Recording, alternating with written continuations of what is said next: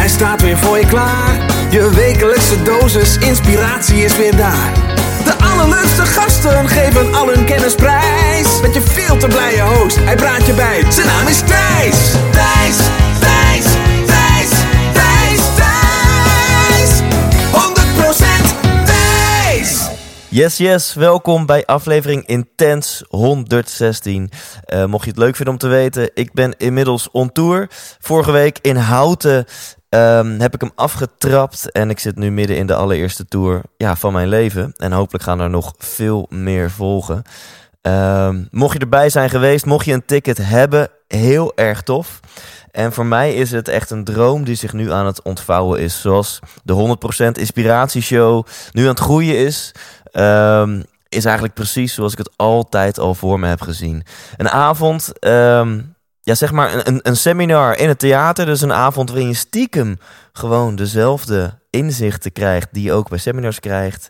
Maar dan op een hele leuke manier met heel veel entertainment. Ehm, ja, wou ik even met je delen. Dus je hoort een hele blije Thijs, maar misschien nog veel belangrijker een hele voldane Thijs.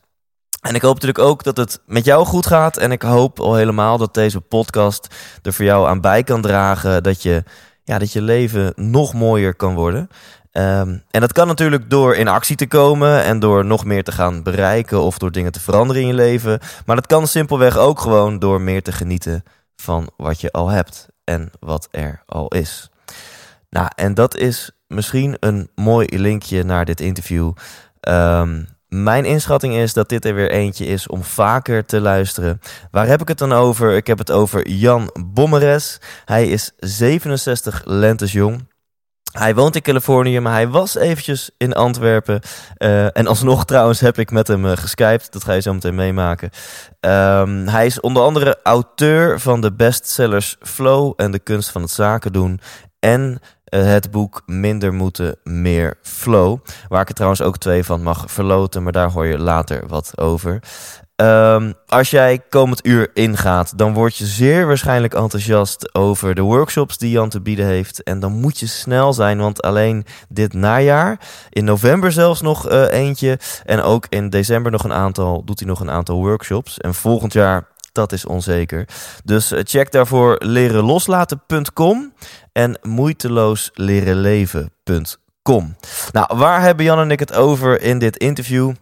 Het is wat mij betreft echt een pressure cooker aan inzichten en aan wijsheden. Dus we hebben het onder andere over die...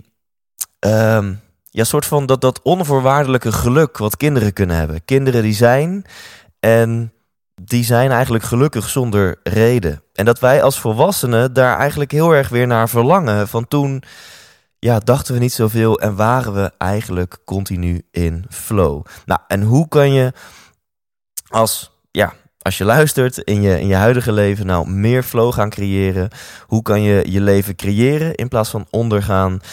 Aan de ene kant hoor je daarom hele waardevolle wijsheden voorbij komen. En aan de andere kant ook gewoon hele concrete dingen. Zoals bijvoorbeeld dat als jij je energie managt, dat er vier dingen zijn waar je op moet letten. Nou, en daar hou ik van. Aan de ene kant heel spiritueel en uh, ja, zeg maar veel wijze lessen en wijsheden. En aan de andere kant ook gewoon to the point. Oké, praktisch. Jan, hoe kan ik het toepassen in mijn leven?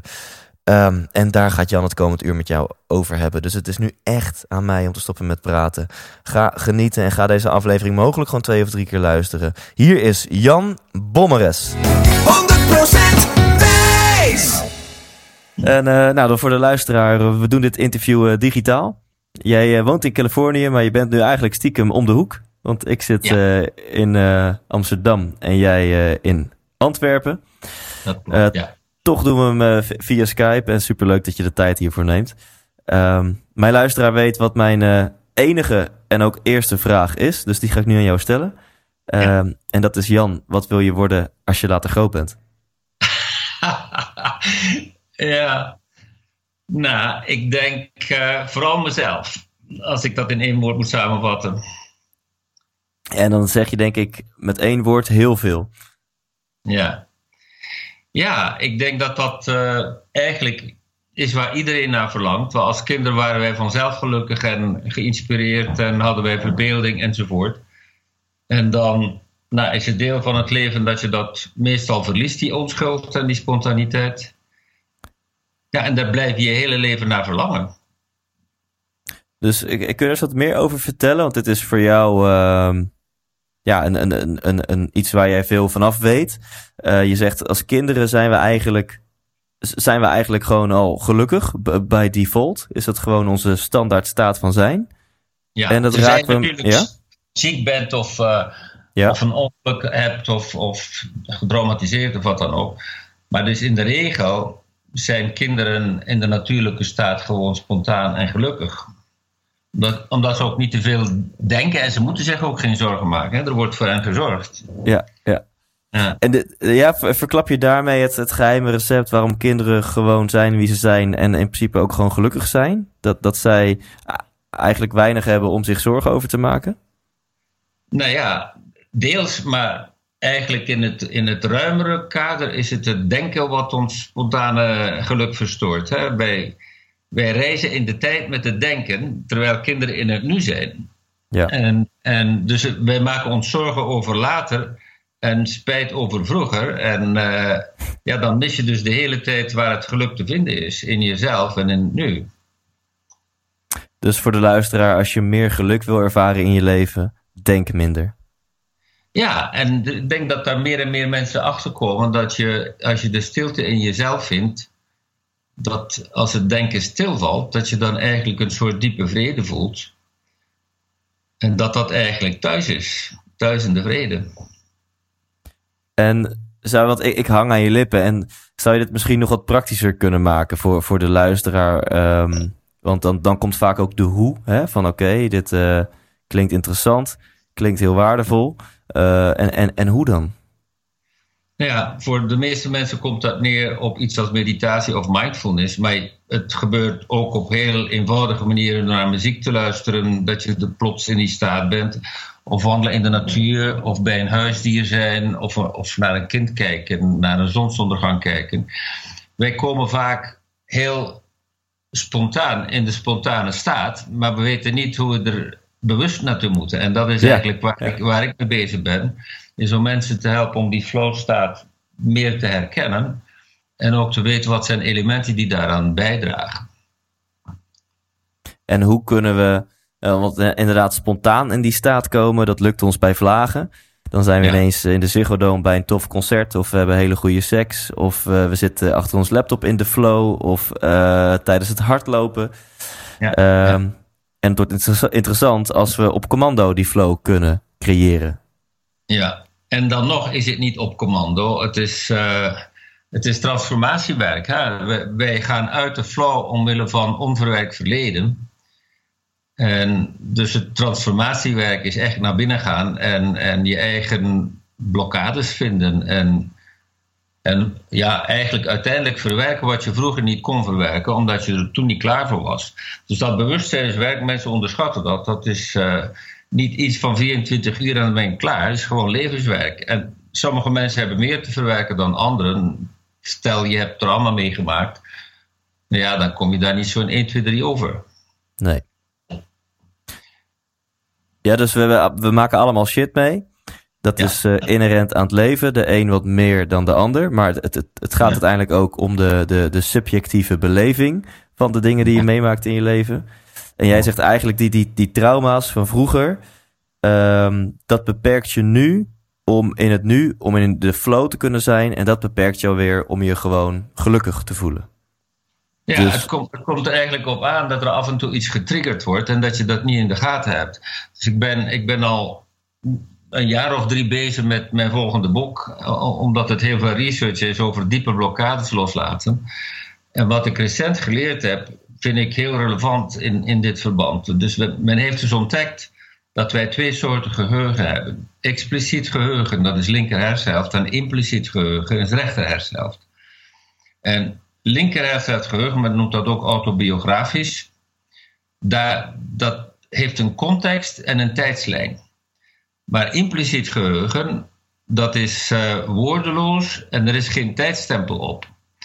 Dus als zo'n impliciet geheugen geactiveerd wordt, dan is het voor je lichaam precies alsof je dat nu beleeft. En je kan het ook niet plaatsen waar het vandaan komt. Dus meestal gaan we dan een reden zoeken in wat er nu in ons leven gebeurt. En dan gaan we bijvoorbeeld naar onze relatie kijken en, en nog zo mhm. van die dingen. En misschien is het mijn werk. En we gaan allerlei ja, foute diagnoses maken. Dus gewoon leren naar je lijf luisteren en, en beseffen dat het niet per se te maken heeft met, waar je nu bent. Dat is op zich al een hele oefening. Dus dat je realiseert dat de, de, de, de gedachten die jou uit flow halen en misschien wel de negatieve emoties die erbij komen, dat dat vaak niet zozeer te maken heeft met het nu. Kort samengevat, nooit. het heeft nooit te maken met het nu. Het is altijd iets van vroeger dat geactiveerd wordt, dus, eh, waardoor je in een patroon schiet. En die patronen zijn bekend: hè? vechten, vluchten, verstarren, verbergen. Al de, al de V's. Dus dat, dat is wat je ook in, in relaties meemaakt. Hè? Dat mensen in de vechtmodus, dan gaan ze in discussie. In de vluchtmodus, dan, uh, ja, dan ontvluchten ze conflicten. En ja, verbergen, niet willen gezien worden, geen contact kunnen maken, bevriezen. Ja, dan, dan klap je dicht. Dus die patronen zijn overal zichtbaar. En um, ik begrijp dat als je echt op, op, op groot niveau over bepaalde trauma's van vroeger heen wil komen, dat dat inderdaad wat jij zegt niet binnen 24 uur kan. Uh, maar als we gewoon even naar vandaag de dag kijken. Ik ben uh, nu met jou aan het skypen. We zijn dit interview aan het doen. En hierna heb ik uh, nou, nog genoeg dingen te doen. Later vandaag nog een interview. En vanavond ga ik naar een hotel. Ehm, wat zou ik. Dan is het gevaar dat de to-do-lijst mijn dag gaat leiden. En dat ik heel erg in mijn kop zit. En eigenlijk niet echt in flow ben. Is er dan iets waar ik op zou kunnen letten? Ja. Waardoor ik die de kans vergroot dat ik wat meer in flow ga zijn vandaag. Ja, inderdaad. Dus wat, wat, wat daar onder meer meteen bij me boven komt, is wat men in het Engels de negative bias of the brain noemt. De, onze hersenen zijn een overlevingstool. en die zijn dus altijd aan het scannen wat er, wat er mogelijk fout kan gaan. En dat doen ze op basis van het verleden. Dus als er ergens iemand met een, een baard in, het, in je verleden een rol gespeeld heeft en je ontmoet iemand met een baard, kan onderbewust kan er een alarmsignaal afgaan.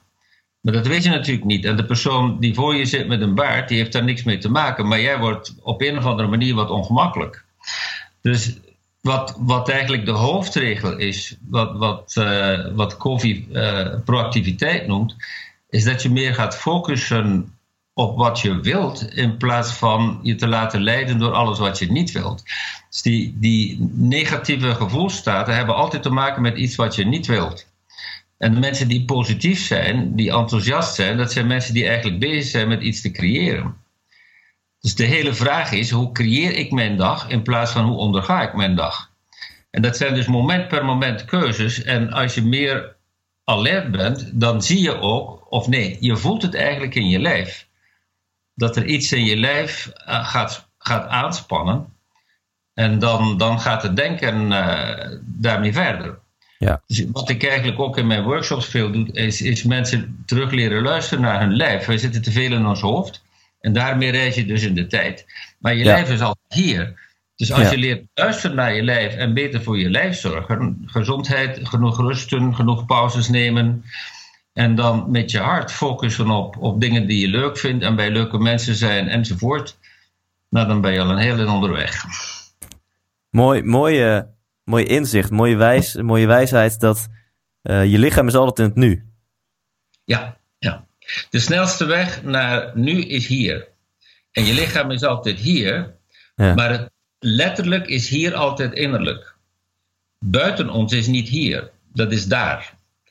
Dus de enige definitie van hier is innerlijk. Dus als je wil in het nu zijn, moet je in contact zijn met je innerlijk. En dat is waar je het, het ook niet echt bestuurt, maar waar je het kunt voelen als je uit de flauw gaat. Ja. Je voelt het in je lijf. En dat geeft ook aan hoe goed je voor je lijf moet zorgen. En dat, daar zijn we meestal ook niet zo goed in. En het mooie is van je lijf, uh, dat is goud eerlijk. Je lijf weet hartstikke goed, geeft heel goed aan wat goed is en wat niet goed voor je is. Ja, ja het lijf zelf is neutraal, maar het leidt onder ons denken. Ja. Dus emoties tenzij ze echt komen van een, van een overlevingssituatie. Emoties hebben te maken met interpretaties van situaties. Dus eigenlijk lijkt het lijf onder, onder ons denken, maar dan niet het bewuste denken, maar het onbewuste denken. Ja. En ik denk dat dat voor heel veel mensen nog wel ingewikkeld is om te begrijpen. En, en ik praat ook namens mezelf.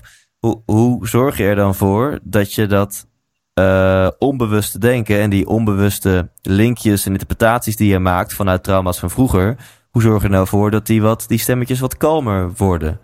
En dat ik volgende keer als ik langs een meneer met een baard loop, dat er niks aan de hand is. Ja, nou dat is de hele oefening van mindfulness, hè, om meer in het heden te zijn. En dus er zijn verschillende dingen die daaraan bijdragen, onder meer loslaten van, van het verleden, zodat je niet meer getriggerd kunt worden. En ik wil ook nog even toch stilstaan bij wat je net zei. Uh, met trauma's wordt niet alleen bedoeld shocktrauma. Dus, dus iedere keer dat ik niet mezelf kan zijn, dat is eigenlijk ook traumatisch. En, en dus het, het onderwerp trauma is veel groter dan shocktrauma. Dus stel ik ben in een omgeving waar ik niet aan zelfexpressie kan doen, eigenlijk is dat traumatisch. Dus ik moet, ik moet altijd uitkijken wat ik zeg, of ik, of ik iets kan zeggen, of ik iets verkeerd zeg, wat de gevolgen zijn. Dus ik, ik zit eigenlijk de hele tijd in de overlevingsmodus. Dus ook een opeenstapeling van kleine incidenten is ook traumatisch. Ja. En dat is dus het stuk wat, wat, ja, wat eigenlijk onderschat wordt. Mensen denken dat trauma, verkrachting en oorlog is, maar een relatie kan traumatisch zijn, een werkomgeving kan traumatisch zijn. Dus in, in, de zin van, je, de flow wordt bevroren omdat die niet kan stromen. Dus eigenlijk alle momenten waarin je niet jezelf kan zijn, of dat is eigenlijk nooit waar, maar waarin je het gevoel hebt dat je jezelf niet kunt zijn zoals je bent, zoals je voelt, dat, dat zijn allemaal mini-traumaatjes. Ja, en dat is wat je bij die kleine kinderen ziet. Die zijn gewoon zichzelf en die stellen zich geen vragen daarover. Als je dan zo'n kleine vraag, waarom ben jij gelukkig? Dat weet hij niet, want die heeft namelijk geen reden nodig om gelukkig te zijn. Ja. En dat is dus het, het hele punt dat wij later in ons leven steeds meer door denken trachten dingen op te lossen. Maar, maar het onderwerp van geluk is niet door denken op te lossen. En ik ben heel nieuwsgierig, even een zijweggetje, maar die wordt getriggerd door wat je zegt. Wat, wat, wat vind jij van de stelling uh, gelukkig zijn? En wat vind jij van de vraag, ben je gelukkig? Nou, ik denk dat iedereen dat op zijn eigen manier moet invullen. Dat dat niet iets is waar iemand anders kan over oordelen. Wat, wat definieer je zelf als gelukkig? En, en wat zijn voor jou de belangrijke dingen, jouw waardemeters? En, en ik, ik, probeer altijd dingen zo simpel mogelijk te maken. Dus waarden zijn voor mij niet iets abstract. Waarden zijn de dingen die ik belangrijk vind. Dat zijn mijn waarden. Dus als ik een, uh, een leuke omgeving belangrijk vind en genoeg in de natuur zijn en leuke vrienden, dan zijn dat mijn waarden. Dat is niks hoogdravend. Nee. En, en dit zijn denk ik ook uh, een aantal van jouw waarden. Kan je misschien iets dieper ingaan op jouw persoonlijke waarden? Want daar zou je denk ik zomaar eens luisteraars mee kunnen inspireren. Nou, ik denk over, over de jaren gezien dat voor mij de voornaamste eigenlijk vriendschap geworden is. Ik denk als je op het eind van je leven terugkijkt, dat je de kwaliteit van je leven beoordeelt aan de relaties die je hebt gehad.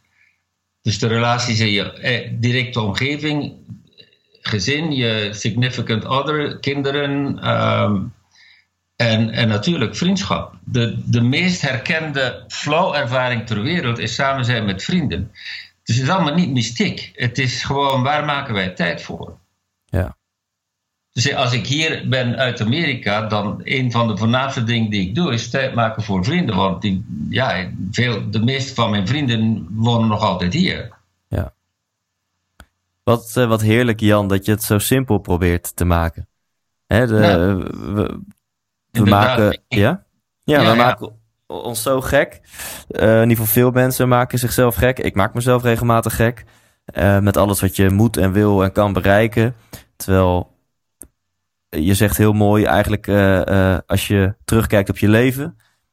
Mocht je ooit, of, of op het moment dat je op je sterfbed terechtkomt, dan, dan beoordeel je de kwaliteit van je leven op basis van de relaties die je hebt gehad en de kwaliteit daarvan. Ja, inderdaad. En natuurlijk in eerste instantie de relatie met jezelf, en daar begint het dus allemaal. Hè? Dus als je eigenlijk diep in jezelf niet blijven met jezelf, is het moeilijk om, om je te openen voor anderen en je te verbinden met anderen. En dat is juist het mooie van vriendschap, dat je dat gevoel hebt dat je niet, je hoeft anders voor te doen. Dat mensen je accepteren zoals je bent. En ja, dat, dat gevoel van, van er gewoon te mogen zijn, daar kom je vanzelf in die, in die spontane staat van ik ben er. Ja. Ik ben in het nu, want ik hoef mij niet anders voor te doen. En dat is een beetje het, het drama van veel werkomgevingen, dat mensen ja, eigenlijk de hele dag met een masker oplopen en dan, dan s'avonds dat masker afleggen. Nou, dat kun je dus nooit gelukkig zijn.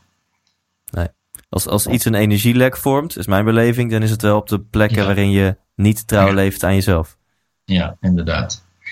Ja, en dat is natuurlijk voor veel mensen een behoorlijk spanningsveld, want je moet natuurlijk wel de rekeningen betalen.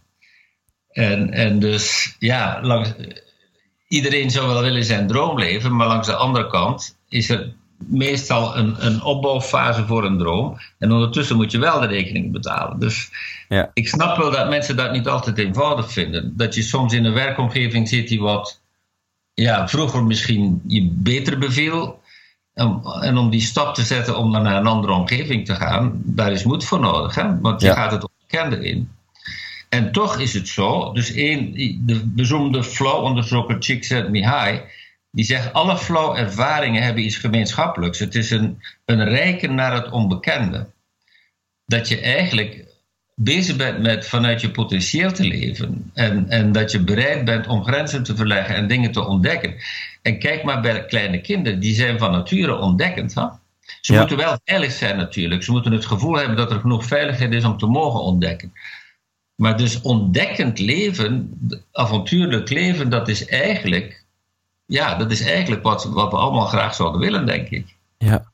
En ik, je zegt het heel mooi, vind ik. Je, je, je moet de rekeningen betalen. Hè? Dus stel je zit dus in een job waarin je van 9 tot 5 iemand moet zijn die je niet bent. Of een rol moet aannemen die niet bij jou past. Ehm, maar goed, je houdt hem wel voor vast, want je moet de rekeningen betalen. Um, Maar ja, je moet daardoor ook een andere rekening betalen, toch? Want je krijgt op emotioneel gebied krijg je er ook een rekening bij. Inderdaad, ja. En dat is ook waarom ik werk niet meer in organisaties of heel uitzonderlijk. Dat is waarom ik ook altijd aan mensen zeg. Mensen zeggen altijd ja, maar het management dit en het management dat. Dan kijk ik ook weer naar hetzelfde. Naar wat kun je wel doen? Niet naar wat kun je niet doen. Mensen hebben weer neiging om vast te lopen op alles waar ze geen invloed op hebben. Ja. Maar je hebt wel invloed op hoe je met elkaar omgaat in de werkomgeving. Daar kun je dus wel gesprekken over aangaan. En dat op zich, denk ik, is, is voor veel mensen ook weer de vraag van hoe doe je dat dan? En nou, dat, is, dat is waar ik in ieder geval aanraad dat mensen zichzelf een beetje bekwamen van hoe, hoe, hoe praat je gewoon met mensen over dingen die je moeilijk vindt? Ja. Want de gemakkelijke gesprekken, ja, die doe je zo. Maar het zijn meestal de moeilijke gesprekken die niet gevoerd worden. Dus een van de dia's die ik in veel van mijn presentaties gebruik, is dat relaties kapot gaan aan de gesprekken die niet plaatsvinden. En, en meestal blijft dat wel hangen bij mensen. Ja, die mag op het tegeltje, wat mij betreft. Ja, ja. En dus moeilijke gesprekken leren aangaan, daar moet je natuurlijk ook de moed voor hebben. Maar vaak is het ook omdat je niet geleerd hebt hoe. Ja. Dus je zou op zijn minst kunnen misschien zien of je daar iets kunt over lezen. Of daar. Ja, er zijn ook steeds meer mensen die, die het de moeite waard vinden om, om een paar coachgesprekken aan te gaan. En er zijn steeds meer live coaches. Dus het is allemaal wat je wil voor jezelf. Dus als je het de moeite waard vindt om, als je bijvoorbeeld moeite hebt om nee te zeggen. Nou, je hele leven kan daaraan vasthangen. Dat, dat je eigenlijk iedere keer geen nee durft zeggen. Je wordt rancuneus uiteindelijk. Maar eigenlijk zou je moeten leren nee zeggen. En als je dat niet in je eentje kunt en je zoekt daar geen hulp voor, nou ja, dan ben je eigenlijk jezelf aan het verraden. Ja. Dus een, een van de belangrijke dingen die ik ook in mijn workshops behandel, is dat mensen zich te veel schromen om hulp te zoeken. Er is niks, niks om beschaamd over te zijn dat je hulp nodig hebt. Integendeel, het is heel wijs om hulp te zoeken. En dat kan ook een vriend zijn die daar goed in is in nee zeggen. Dat hoeft niet per se een professional te zijn. Maar als je ergens op vastloopt en je kan het niet alleen oplossen en je zoekt ook geen hulp, nou ja, wat is dan de volgende stap? Ja. En dit, ik hoor hier het eerdere advies in wat je mij gaf toen ik vroeg hoe kan ik vandaag meer in flow leven. En toen gaf je aan, je kan denken hoe creëer ik mijn dag in plaats van hoe onderga ik mijn dag. Ja. En van mijn dag kan je ook maken mijn leven. En we hebben allemaal vastlopers. Bijvoorbeeld nee zeggen kan zo'n hardnekkig thema in jouw leven zijn dat dat gewoon jouw geluk in de weg zit. Ja. En dan kan je dat ondergaan. Dan ben je uh, het slachtoffer van je eigen patronen. Of je kan ook met die creëer mindset denken van hé, hey, kan ik hier ook wat aan doen? En dan zou je zomaar eens misschien wat hulp kunnen gaan zoeken bij een, een coach, een therapeut, een psycholoog of, of, of boeken, seminars, YouTube filmpjes, een interview met Jan Bommeres eh, tijdens de 100% Inspiratie podcast bijvoorbeeld. Inderdaad, ja. Een, een van de dingen die ik ook vaak zeg, en dat helpt mensen echt, maar ook mezelf, is dat je niet veel hoeft te veranderen omdat er veel zou veranderen. Dus als je een punt pakt wat echt een verschil maakt en je focust daarop tot je, tot je daar een verschil in maakt, dan verandert je hele leven. Dus transformatie is echt een kwestie van niet te veel tegelijk willen, want dan word je toch weer gestrest en, en gebeurt er toch niks. Te zien wat, wat is één ding wat ik zou kunnen stoppen met doen of kunnen beginnen met doen. En dan als je er hulp bij nodig hebt, er hulp bij zoeken. En dan zie je dat door één ding te veranderen je hele leven kan veranderen. Ja. En het is vaak overweldigend dat men denkt van, ik kan niet alles veranderen en dan doet me niks. dus één ding veranderen en soms heb je daar ook weer al bij nodig dat je niet weet waar je op vast zit. Ja. En um, wat je net uh, gaf je nuance, dat vond ik een hele mooie. We hadden het over dat um, uh, eigenlijk de kwaliteit van je leven is heel erg afhankelijk van de kwaliteit van de relaties die, die je hebt. En toen gaf je aan, nou, en op de eerste plaats de relatie die je hebt met jezelf. Ja. Ja, dat is een waanzinnig wijze en mooie nuance als je het mij vraagt. Um, hoe, hoe, doe jij dat voor jezelf? Hoe, hoe, zorg jij voor, want daar zijn we allemaal naar op zoek. Wat zijn jouw methodes, whatever, om, om contact met jezelf te behouden? Nou, ik moet je vertellen, het is niet altijd zo geweest. Dus ik heb een, een groot deel van mijn leven in dissociatie geleefd, maar dat wist ik niet. Dus het thema van, van trauma is voor mij een heel persoonlijke zoektocht. Uh, dus dat gevoel van, van ik, ik hoor ergens niet thuis of er scheelt iets met mij. Ik denk dat nogal wat mensen daarmee rondlopen. Ja. Dus dat, dat gevoel van niet, niet thuis zijn in je lijf. Ja, voor mij is dat op een bepaald moment uh, echt de zoektocht van mijn leven geworden. Om, om gewoon mezelf te vinden. En dan komen we weer bij waar we mee begonnen zijn. Dat je vroeg, ja, wat zoek je of wat is jouw ding? Nou ja, mezelf vinden. En uiteindelijk denk ik dat dat voor iedereen hetzelfde is. Dat dat, dat niet evident is om gewoon ontspannen in je, in, je, in je lijf te zitten. Dus alles wat bijdraagt tot ontspanning, helpt voor mij. En dus een van de dingen die ik recent geleerd heb uh, voor mezelf en wat ik ook uitdraag in mijn workshops, is dat je niet moet tijd managen, maar energie. Want van tijd managen krijg je ook weer stress. Maar energie is ook kwalitatief en, en kwantitatief veel rekbaarder dan tijd. Dus en, dan, en dat is dus wat ik voor mezelf toepas, en dat beantwoordt jouw vraag. Dat er eigenlijk vier soorten energie zijn waar je dient op te letten: je fysieke energie, je emotionele energie, je mentale energie en je spirituele energie. En dus als een van die vier uit balans is, leiden de andere drie. Dus stel je, je zorgt niet genoeg voor je lijf, dan kun je ook concentratieproblemen krijgen. Dan kun je makkelijker geïrriteerd zijn, dan krijg je ook emotionele problemen. En er zijn ook mensen die helemaal scheef hangen aan de spirituele kant, de zogenaamde spirituele bypass. Dus dat je eigenlijk op wolken drijft, maar niet met je voeten op de grond staat. Dus je moet eigenlijk in die vier, in die vier zones dien je bewuste keuzes te maken. En, ja. En ook daar weer, ik vind dat ook niet allemaal alleen. Het is omdat ik blijf zoeken naar antwoorden dat ik, en dat ik ze kan delen met andere mensen. Ja. Dus bijvoorbeeld in, in mijn ervaring en, en ook wat ik daarover geleerd heb, is dat bij de meeste mensen de, de blokkades bij, op de fysieke en de emotionele energie zitten. En emotionele energie, dan komen we weer bij iets wat we eerder vertelden, heeft te maken met relaties. Dus wij, krijgen emotionele energie van voedende relaties en van fijn omgaan met elkaar. Daar, je wordt daardoor gevoed. Als je dat niet hebt, dat is denk ik de hoofdreden waarom mensen zo leeglopen in een werkomgeving. Omdat er geen te weinig voeding is in relaties. Maar het kan ook veel praktischer zijn dat wij te weinig pauzes nemen, bijvoorbeeld. Dus wat ik daarover praktisch geleerd heb, wij slapen in cycli van 90 minuten. Dat, dat is iets wat de meeste mensen weten. Ja. Dat een slaapcyclus 90 minuten duurt. Maar wat men dus ontdekt heeft, is dat onze energie overdag ook in, in cycli van 90 minuten gaat. Dus onze energie rijst en daalt.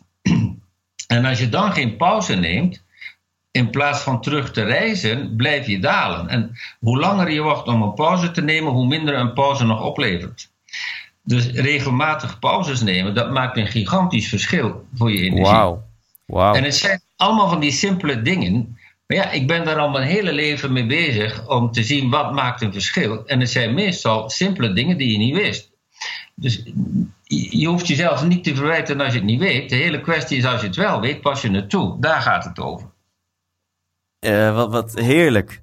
Um, de, ik hou van, van, de, van deze wijsheden en ook de concrete tips die erin zitten. Dus je zegt, um, veel mensen die het niet naar hun zin hebben in hun werk, dat komt vaak voor een groot gedeelte dat ze geen voeding halen uit de relaties met de ja. mensen in hun werkomgeving. Ja. Uh, en je geeft aan, nou, 90 minuten cyclus is niet alleen s'nachts, maar ook overdag. Uh, en als je dat dan als een achiever, hè, want dat zijn vaak de, uh, de mensen die ook risico lopen op burn-out en overspannenheid. Dat zijn vaak niet de aanstellers, dat zijn juist de mensen die het gas maar blijven intrappen. Ja. En ik denk dat ook veel achievers onder mijn luisteraars zijn. Dan, als je dan niet toegeeft aan die 90 minuten cyclus en je stelt je pauze uit, dan gaat je energielevel eigenlijk alleen maar meer omlaag.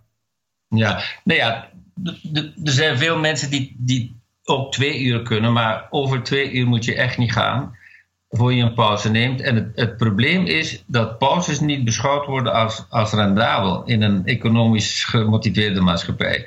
Maar pauzes zijn heel rendabel. Dus uh, ik heb dus die, die mensen van, van dat onderzoek, dat is Tony Schwartz en, en Jim Leur, die hebben dat boek geschreven, uh, The Powerful Engagement. En die hebben dus ook een, een website uh, waar ze dus vertellen over organisaties waar men dat begint toe te passen. Nou, daar, schieten, daar schiet de productiviteit omhoog. Waar meer pauzes genomen worden, wordt wow. veel beter gewerkt. Niet langere ja. uren, maar meer, maar meer output. Dus pauzes zijn heel productief. Er staat een artikel in de Harvard Business Review over, over Sony. En de titel is How Sony Gets More Out of People by Demanding Less. En, en dus dat hele idee dat de boog niet altijd kan gespannen zijn, dat, dat, dat, dat is volkswijsheid. Maar in de praktijk zondigen wij tegen de volkswijsheid, omdat we dat ook niet meer leren, al die simpele waarheden. Ja. En we houden ook veel te veel af van, van, de, van de experts. Als, als er een probleem is, dan ga je naar een dokter, in plaats van te leren voor jezelf zorgen. En um, uh, wat ik ook een hele mooie zin vond die je net noemde, dat je moet niet tijd managen, maar energie managen. Hè? En ja. vervolgens noemde je vier soorten energie: fysiek, mentaal, emotioneel en spiritueel. Ja. Uh, zou je eens dan het verschil kunnen uiteenzetten tussen mentaal en emotioneel? Ik ben daar nog wel benieuwd naar of je dat, uh, wat, wat het verschil ja. precies tussen die twee energievelden is. Dus emotioneel heeft te maken met verbinding en relaties. Als je uit verbinding bent, dan zit je in weerstand en dan krijg je dus negatieve emoties. Als je in verbinding bent, krijg je positieve voeding. Uh, en mentaal heeft meer te maken dat je je blijft ontwikkelen. Dus je, ja, je, je, wordt, je wordt ook blij van jezelf als je grenzen verlegt en als je iets bijvoorbeeld goed beheerst. Dat zie je bij sporters komen makkelijker in flow omdat ze ook meer trainen. Dus het feit dat je jezelf blijft ontwikkelen, zorgt er ook voor dat je meer waarde kunt geven. En we worden ook blij van geven. Als je iets goed beheerst, nou, op zich is dat al heel vervullend. Ja. Dus blijven bijleren. Ja, er zijn ook veel mensen die stoppen met leren als ze de school verlaten, maar in onze maatschappij kan dat eigenlijk niet meer. Als de wereld zo blijft veranderen, moet je ook blijven bijleren. Dus wat er gebeurt is dat wij in de werkomgeving veel te veel mentale pressie op mensen hebben. En dan, ja, de, de hersenen zijn de grootste verbruiker van zuurstof. Daar, daar ga je dus ook helemaal fysiek en emotioneel aan onderdoor. Want al die dingen hebben natuurlijk invloed op elkaar. En met spiritueel bedoelen we niet religieus, maar kun je je waarden leven. Dat wat voor jou belangrijk is. Zingeving. En als je jouw waarde niet kunt leven, nou ja, dat, dan kun je niet vervuld zijn. Ja. Dus als je bijvoorbeeld belangrijk vindt dat je gezien wordt, dat, dat, dat, dat, er, dat je gehoord wordt en je leeft in een omgeving waar je geen stem hebt, nou ja, probeer dan eens gelukkig te zijn. Dus ik, ik hoor geluk is de kwaliteit van je relaties, geluk is groei, geluk is het kunnen leven van jouw eigen waardes. Ja, ja. Ja, en we hebben natuurlijk niet elke dag uh, alles wat, wat uh, in lijn is met alles wat we willen. Dus we hebben ook moeilijke momenten. Dus ik ben niet van de roze bril en, en positivo. Ik ben helemaal geen positivo. Mensen vragen soms aan mij: ben je altijd in de flow? En ik zeg: ben jij gek? Natuurlijk ben ik niet altijd, natuurlijk ben ik niet altijd in de flow. Dus als je kijkt naar het Engels, ebb en flow, ebben en vloed. Het, het leven gaat in golfbewegingen. Dus je hebt ook mindere dagen. De hele kwestie is hoe lang blijf je daarin zitten? En ga je dan jezelf verwijten enzovoort. Dus dat, de, dat mindere dagen deel zijn van het leven, dat is ook iets wat je helpt om daar niet in vast te zitten. En dat je niet denkt dat er iets fout met je is. Iedereen heeft mindere dagen. Ja. Je ziet het zelfs in de sport. Topteams hebben soms een match waar ze helemaal niks doen. En dan denk je, waar zijn die mensen dan mee bezig als ze trainen? En soms zijn ze gewoon niet. Een, gewoon een off-day. En nu, nu je toch topsport aanhaalt, wil ik daar een interessante vraag uh, over stellen. Um, Want een van de eerste dingen die je aangaf is, uh, als het gaat dan om de kwaliteit van je leven en je geluk, dan is het eigenlijk de kwaliteit van je relaties. Ja.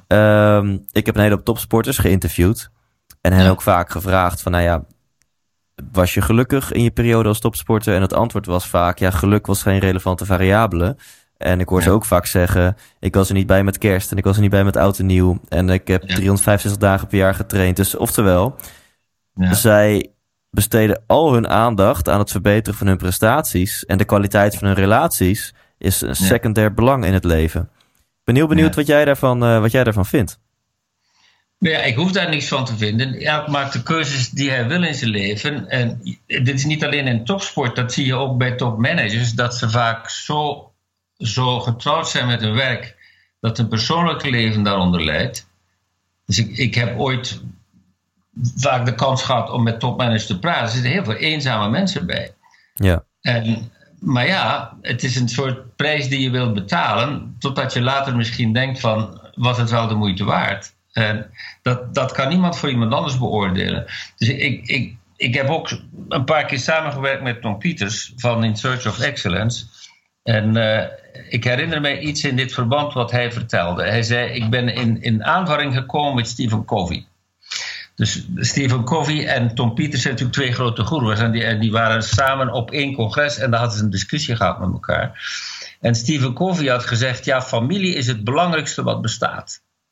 En toen had Tom Peters gezegd: ja, dat is een absolute uitspraak en dat klopt niet. Hij zegt: als Churchill alleen maar voor zijn familie had gekozen, waren de Duitsers in Engeland.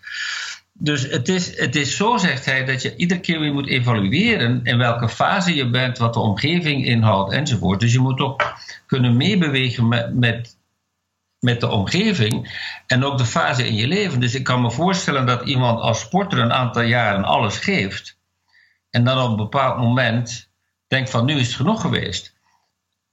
Ik kan me dat dus voorstellen dat dat, dat, dat je, je drijft. En dan is het natuurlijk ook de, de kwestie dat ja, als je een partner hebt, dat je daar kan mee omgaan. Of dat je ervoor kiest om tijdelijk geen partner te hebben. Ja. Het zijn keuzes die je maakt. Hè. Het heeft te maken met je waardesysteem. Maar je kan niet alles tegelijk hebben en, en, en constant bezig zijn met piekprestaties. Nee, en ik, ik snap ook dat je er in die zin geen mening over kan hebben. Want iedereen, uiteindelijk moet iedereen het maar voor zichzelf weten wat je doet en welke keuzes je maakt in het leven. Um, Ik ben wel nieuwsgierig of je dat dan toch wel ergens inspirerend vindt. Dat ze, dat ze op die manier grenzen willen verleggen en een soort van hoger doel hebben dan zichzelf.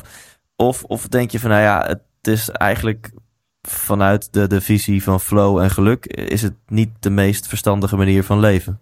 Nee, dat denk ik zeker niet. Uh, flow is ook vervulling van je potentieel. En als, je, als jij geboren bent als sporter, sporter, dan moet je sporten. En als je, en als je als sporter echt geweldige talenten hebt en je gebruikt die niet. Dus voor mensen die bijbels zijn opgevoed, dat is het parabel van de talenten. Als je ze niet gebruikt, nou ja, dan verlies je ze. En wij hebben die talenten om ze te gebruiken. Dus ik heb daar echt geen oordeel over te vellen. Maar je weet wel dat topsporters meestal maar een beperkte periode hebben waarop ze die topsport kunnen doen. En dat ze daar de prijs willen voor betalen. Ja, dat vind ik wel, uh, ik heb daar wel respect voor. Ja. ja, mooi dat je het zegt. En je legt zelf, leg je al de link naar managers. Uh, ik denk dat de link naar bijna elk mens te leggen is die, die een, een prestatiedrang heeft. Uh, en de topsporters is een mooi voorbeeld, want dat legt daar een vergrootglas op. Die, die maken er echt een extreme van. Maar ik denk dat bijna iedereen die luistert hier wel iets van zichzelf in herkent. Van ja, shit, ik maak heel vaak andere dingen in mijn leven. Uh, en vaak zijn dat zakelijke dingen. Maak ik belangrijker dan mijn relaties. En ja, uh, uh, ja is, ik, ik ben op zoek naar welke vraag hier dan nu uitkomt. Hoe, hoe, hoe zou je, eigenlijk gaat het ook weer over waardes. Hoe zou je die shift kunnen maken van op, op één staan mijn dromen en doelen en mijn, mijn persoonlijke ontwikkelings- en mijn zakelijke doelen. En op twee staan pas eigenlijk mijn, mijn relaties en misschien ook wel mijn gezondheid. Hoe zou je die, die shift kunnen maken? Ja. dus door heel bewust die energie te gaan managen op de vier niveaus. En dat, dat vind ik juist het mooie van dat model. Dat je niet één energie kunt uitschakelen zonder dat de anderen eronder lijden. Het is fysiek, emotioneel, mentaal en spiritueel. Dus het is een interessante vraag om te zien waar ben ik uit balans. Ja. En wat kan ik daar concreet aan doen? En iedereen zal wel ergens iets vinden waarvan ze weten: als ik één ding stop met doen of één ding begin te doen, verandert mijn leven. Dus het kan voeding zijn, het kan, het kan bewegen zijn, het kan zijn opnieuw weer een keer een boek gaan lezen, het kan zijn een, een cursus volgen, het kan zijn mediteren, yoga, weet ik veel. Er is altijd één ding wat je kunt doen of stoppen met doen, waardoor je leven verbetert. En dat is mijn hele filosofie. Je hoeft niet veel te doen één ding kan een verschil maken. En dus het is belangrijk om naar je hele systeem te kijken. om te zien wat heeft het meeste invloed op mijn energie. Op mijn hele systeem. En, en dat kan bijvoorbeeld als ik terugga naar dat verhaal van iemand die geen nee kan zeggen. Nou, dat is een, een één ding wat, wat ook de rest van je leven beïnvloedt. Want je gaat daar ook psychologisch onder lijden. Je gaat er uiteindelijk fysiek onder lijden. Je wordt rancuneus. Je kunt niet gelukkig zijn uiteindelijk. Totdat je daar iets, iets mee doet. Maar het is geen simpel onderwerp. Dus je moet wel ook de moed hebben om eraan te beginnen. En als je, als je het niet alleen kunt, opnieuw hulp zoeken. Ja. Absoluut niks fout met hulp zoeken. Dus bij het managen van je energie is het gewoon heel verstandig om regelmatig te kijken naar waar ben ik uit balans. En zit dat ja. fysiek, mentaal. Uh, en dan, ik bedoel, Churchill, mooi voorbeeld. Uh, en een Martin Luther King, die ze, ze waren ook uit balans voor bepaalde perioden. En die hebben iets waanzinnig, waanzinnigs gepresteerd. Uh, ja. Dus het is helemaal oké okay om soms het accent iets meer op, op, op een ander gebied te leggen. Dus om, om even in, in de orde van de dag te zijn, het, het boek van Michelle Obama is net uit. Ja. Nou, het was een, voor haar niet zo prettig, dat hele Witte Huis. Ze heeft haar man gesteund, maar hij zou niet mogen opnieuw voor zo'n hoog ambt gaan of zich scheiden.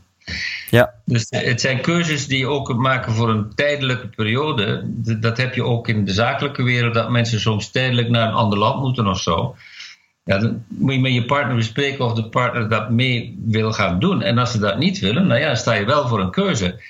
Ik ben ook zo in Amerika beland. Dus dat was niet iets wat op mijn to-do-list stond. Maar mijn vrouw is Amerikaans en op een bepaald moment wou ze naar huis terug. En dan, ja, toen was het kiezen of delen. Ja. Of ik ging mee naar Amerika, of wij gingen uit elkaar. Dus, en, dus dat waardesysteem dat kan af en toe voor moeilijke keuzes zorgen. Ja. En, en dat kan ook wel geruststellend zijn. Dat hoort bij het leven, moeilijke keuzes. En, uh... Ja, absoluut. En daarmee verleggen we ook grenzen en vinden we ook meer wie wij zelf zijn.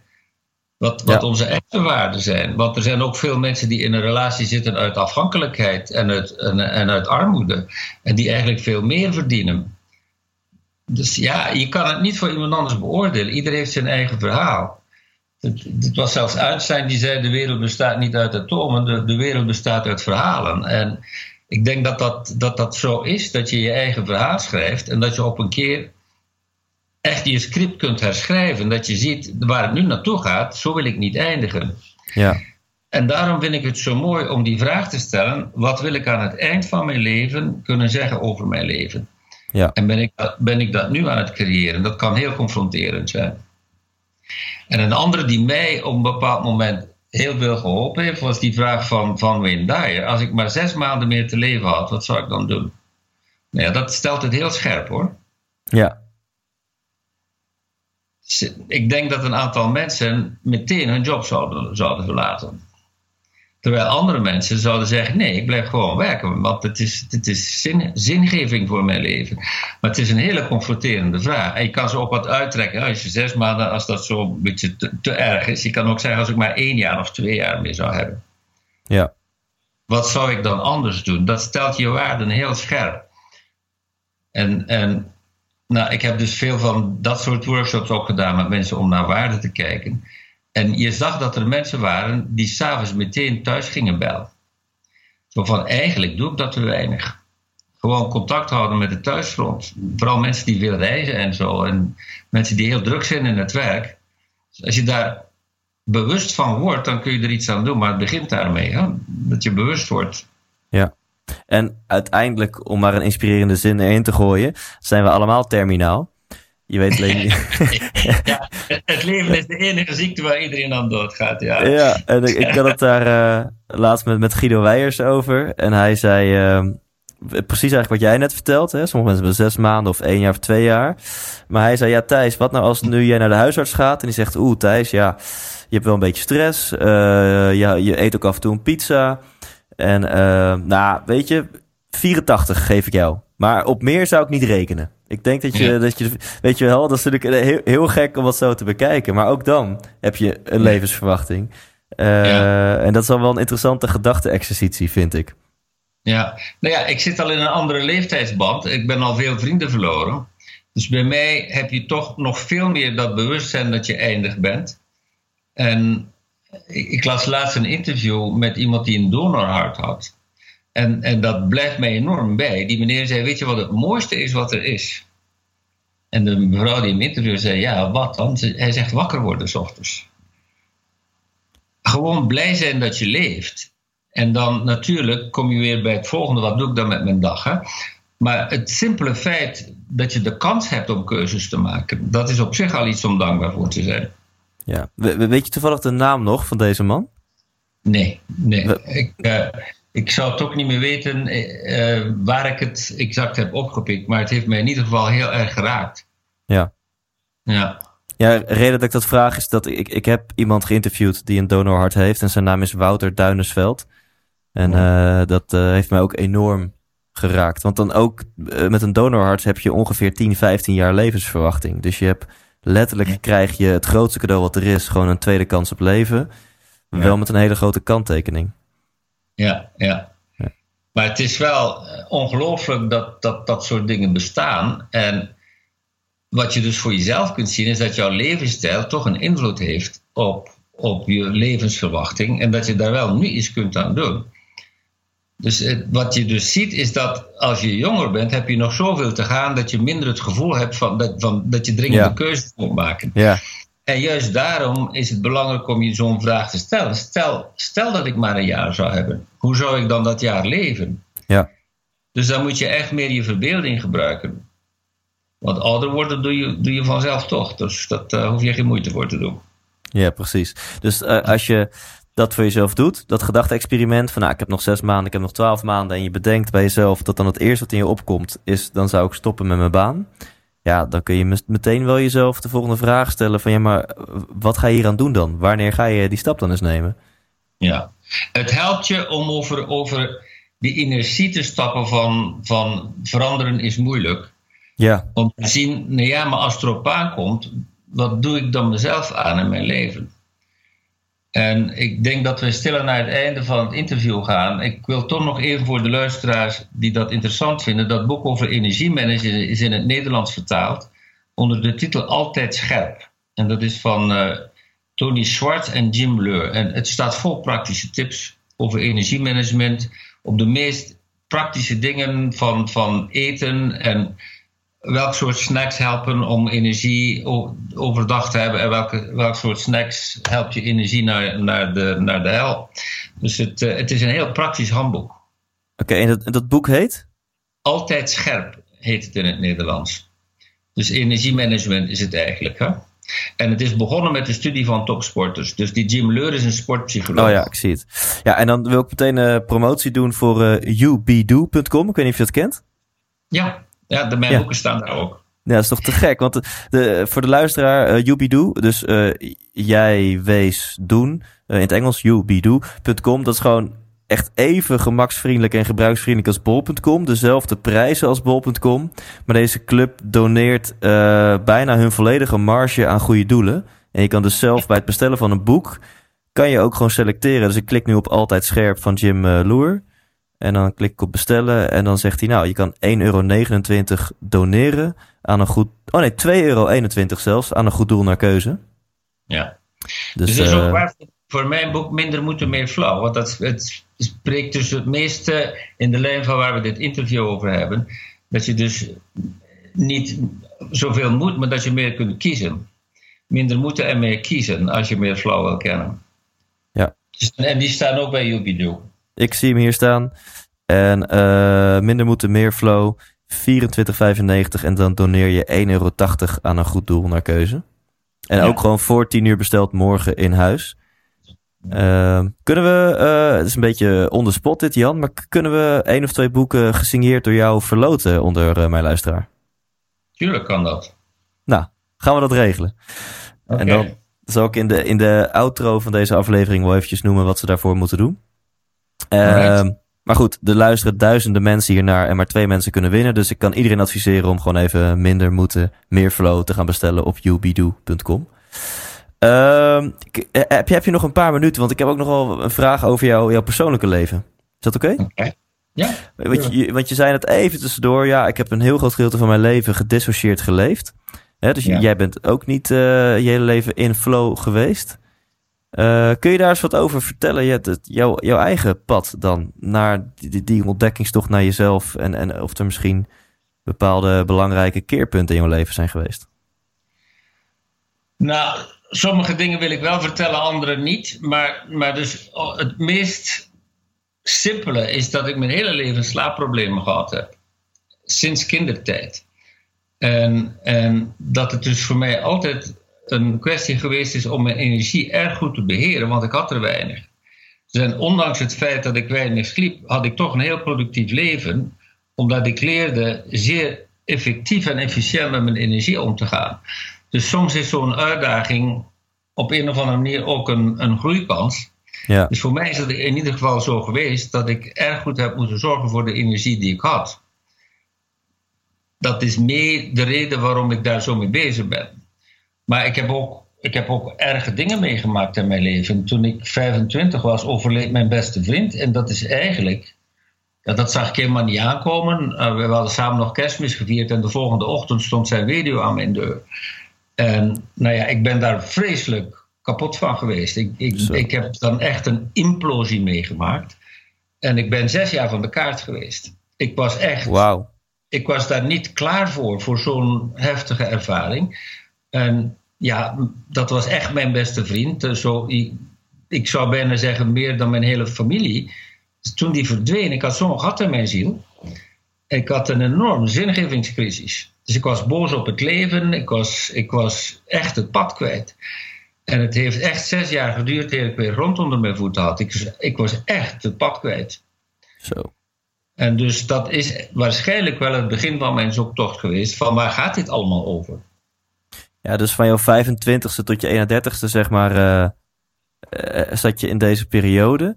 Is het dan de, de tijd die jou uit deze periode heeft gehaald? Of is er misschien op je 31ste iets specifieks gebeurd? Of heb je een specifieke keuze gemaakt waardoor je wel weer verder kon? Nee, als je in crisis zit, crisis is dus toch wel ook iets wat uh, beweging veroorzaakt. Ja, je weet toch wel, ik kan ze niet doorgaan. Mijn, mijn eerste huwelijk is er ook aan kapot gegaan. Ik was echt niet, uh, niet te pruim hoor. Je kon me mee geen land bezeilen. Ik was gewoon boos. En, en dus op een keer, ja, weet je toch, ik, als je geen andere keuze maakt, ga je gewoon kapot aan jezelf. Dus het, het, het is het toch het zoeken naar zingeving, omdat je weet dat zinloosheid ook geen antwoord is. Dus in mijn geval, ik kan daar wel iets, iets over vertellen dan komen toch dingen in je leven per toeval of niet per toeval. Het is hoe je daarover denkt. Mhm. Maar ik uh, kreeg dus van iemand uh, de cursus in wonderen aangereikt. En daar stond één ding in wat voor mij een omslagpunt was. En dat was: het leven heeft geen zin, behalve de zin die jij eraan geeft. Nou, dat was mijn omslagpunt het leven op zich heeft geen zin. Je moet het zelf inkleuren. Het is een tekening die je zelf moet kleuren. Dus op dat moment ben ik weer beginnen met kleuren in het plaatje, in plaats van alleen maar zwart te zien. Wauw. Dat is een zin die, uh, die blijft wel even hangen. Ja. ja, bij mij ook altijd als ik, als ik hem zeg. Ja. Dus elke dag is het weer, wat maak je ervan? Hè? En wat ik ook zeg, het is oké om een keer een dag geen zin te hebben. Dat is ook oké. Dus je hoeft niet de hele tijd op je tenen te lopen, want daar krijg je ook kramp van.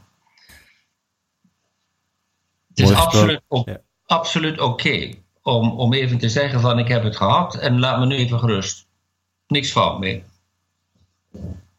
En uh, uiteindelijk is bij jou ook ergens de ik denk, een deeldrang of een geefdrang ontstaan, waardoor je een boek bent gaan schrijven.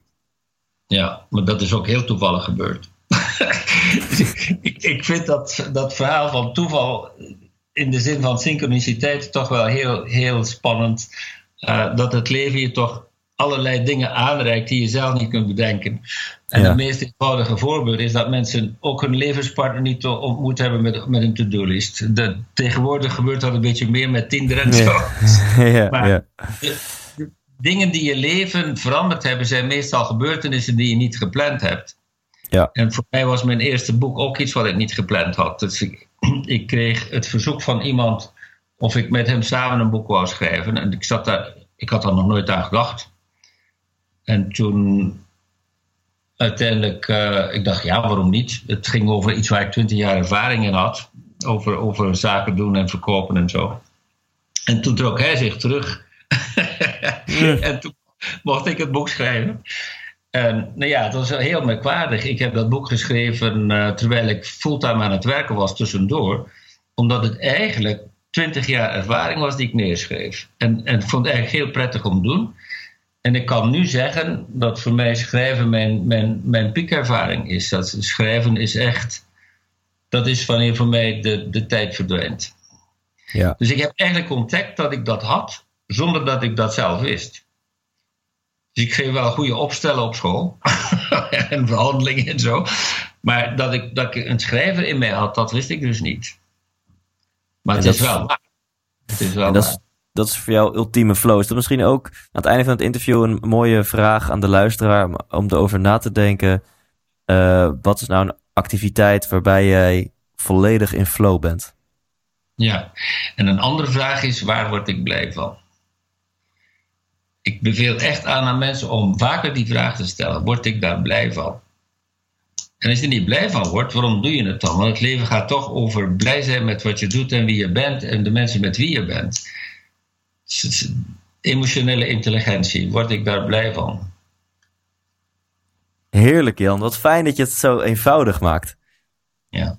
Ja, ik, uh, jouw uh, naamgenoot uh, Jan van Zetten zegt het leven is verwarrend eenvoudig. ja, ja, zo is het. Ja. En, en wat, wat Kruis zei, eenvoudig voetbal is het mooiste voetbal, maar het is ook het moeilijkste. Ja. ja, dus het is, die paradox zit daar altijd in. Ja, ja, ja, mooi. En, en als mensen uh, geïnspireerd raken hè, en ze willen misschien wel een, een, cursus bij jou volgen of meer van jou, dan, dan, dan kan dat denk ik. Ik zie onder andere op lerenloslaten.com dat je voor uh, een workshop uh, kunt doen voor 150 euro. Toch? Ja, ik heb nog een paar data die kunnen in december. Want volgend jaar weet ik niet of, of ik er nog doe.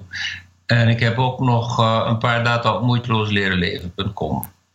Ja, want, want jij bent een, een domeinmachine. Uh, het monster in positieve zin. Want ik, je, je, hebt, je hebt leren loslaten.com, gedreven door passie.nl, moeiteloos leren leven. Gedreven door passie Dat is niet oh. mijn domein, maar ik sta daar wel op. op oh, oké. Een van de geïnterviewde mensen. Maar dus ik, ik, heb zelf maar twee domeinen die met de workshops te maken hebben: lerenloslaten.com en, en moeitelooslerenleven.com. Dat zijn, oh, okay. dat zijn de enige workshops die ik, uh, die ik nog doe. En, en dat blijft ook niet duren, want ik ben heel hard bezig met mijn nieuwe boek. Ja. Dus dat, dat heeft niet voorrang. Ja, en dus in, uh, ik, oh ja, ik zie ook op moeitelooslerenleven.com uh, dat er ook weer uh, wat, wat, wat nieuwe data op staan. Ja, maar dat is bijna over. De laatste datum is 24 november, dus dat oh, is uh, trek wordt bij. Ja, ja.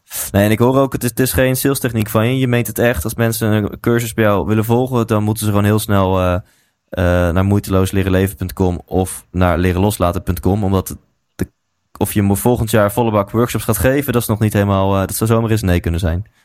Ja, ik ga in ieder geval nog, nog één keer in Rotterdam in maart iets doen, omdat ik me daar al gecommitteerd heb. Maar voor de rest staat nog niks vast. Nee. Oké. Uh, heb je aan het einde van het interview nog uh, iets wat je wilt delen met, uh, met mij en of de luisteraar? Ja, ik zou het willen houden bij die vraag van word ik er blij van? Dat is een hele simpele vraag die ook confronteren kan zijn. Ik heb laatst iemand gehad die uit de relatie stapte op basis van die vraag. En ze zei, het was een goede, een goede persoon, maar ik werd niet blij van de relatie. Ja. Nou, ik bedoel dus niet dat iedereen dat moet doen, maar uh, het is wel, het is wel een relevante vraag voor de kwaliteit van je leven. Ja, mooi. De, de, de paradox van de eenvoud. De, de simpelste vragen zijn ook de moeilijkste vragen. Stel jezelf wat vaker die vraag: word ik hier blij van? Inderdaad. Dankjewel Jan. Mijn plezier. 100% wijs! Thanks, thanks, thanks. Jij bedankt voor het luisteren en Jan bedankt voor je wijsheden en je tijd. Um, wil je nu kans maken op dat boek? Ga dan gewoon even naar thijslindhout.nl slash Jan. Nou, dat hoef ik niet te spellen, denk ik. J-A-N. Oké, dan heb ik het toch gedaan. thijslindhout.nl slash Jan. Daar maak je kans op het gesigneerde boek um, Minder Moeten, Meer Flow. En ik doe er nog een bonus bovenop. Ik zet je dan ook op de VIP-lijst van mijn uh, shows. En dan hoor je het als eerste, hoor je een week voor de reguliere verkoop, wanneer er een verkoop online gaat van een eventuele volgende tour en volgende shows. Dus thuisnederland.nl slash Jan kan jou gewoon alleen maar voordelen opleveren. Wat ik ook trouwens altijd doe, dat ik dan mijn e-book naar je toestuur en een videootje met mijn ochtendroutine. Dus um, alleen maar redenen om dat eventjes te doen. Alleen maar leuke, gratis um, dingen te winnen en te ontvangen in je inbox. Wil je een workshop volgen? Check dan even lerenloslaten.com of moeitelooslerenleven.com. Uh, het is geen uh, sales truc of wat dan ook van Jan. Het is gewoon echt eerlijk dat hij er dit jaar nog een paar doet. En of er volgend jaar nog een paar gaan komen, dat is niet duidelijk. Dus mocht dit uh, gesprek jou zo hebben geraakt dat je denkt daar wil ik bij zijn, dan is nu je kans om naar lerenloslaten.com of moeitelooslerenleven.com te gaan. Bedankt voor het luisteren, lieve luisteraar. En tot volgende week. Leef intens.